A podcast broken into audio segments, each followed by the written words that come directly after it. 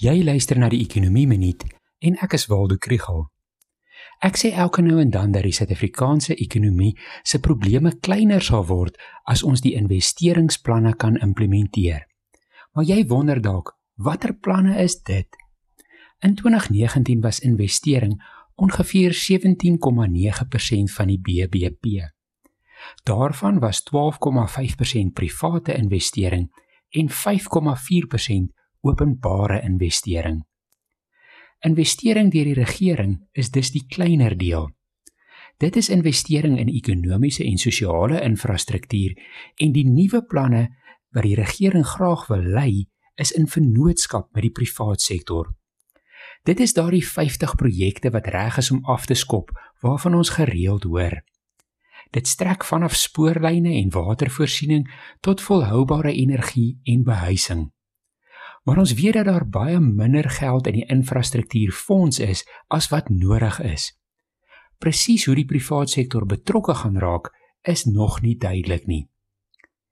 Die tweede deel van investering is gewone private investering. Dit is die soort investering waarvan ons die afgelope week gehoor het na afloop van president Ramaphosa se beleggingskonferensie. Ongeveer 110 miljard rand se beleggings is deur maatskappye beloof.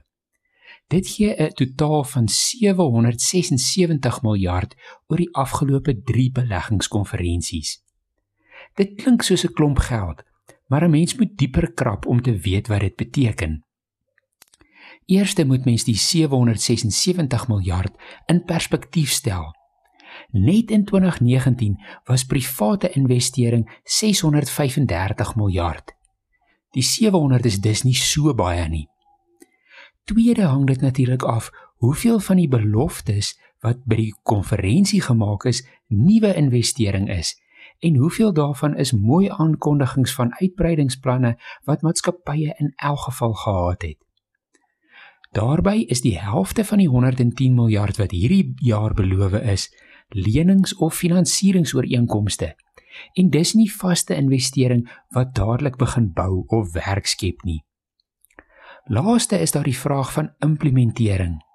Van die 664 miljard wat by die eerste twee konferensies beloof is, is nog net 172 miljard al bestee.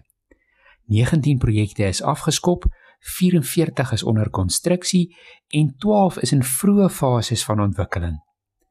Die belangrikste beleggings was in mynwese, kommunikasie en die motorbedryf.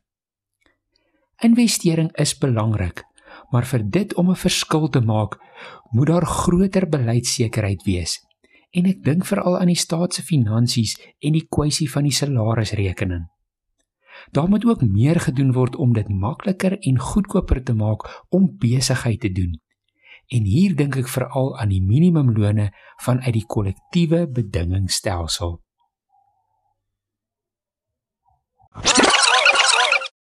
As jy meer van die ekonomie wil leer, volg die ekonomie blok.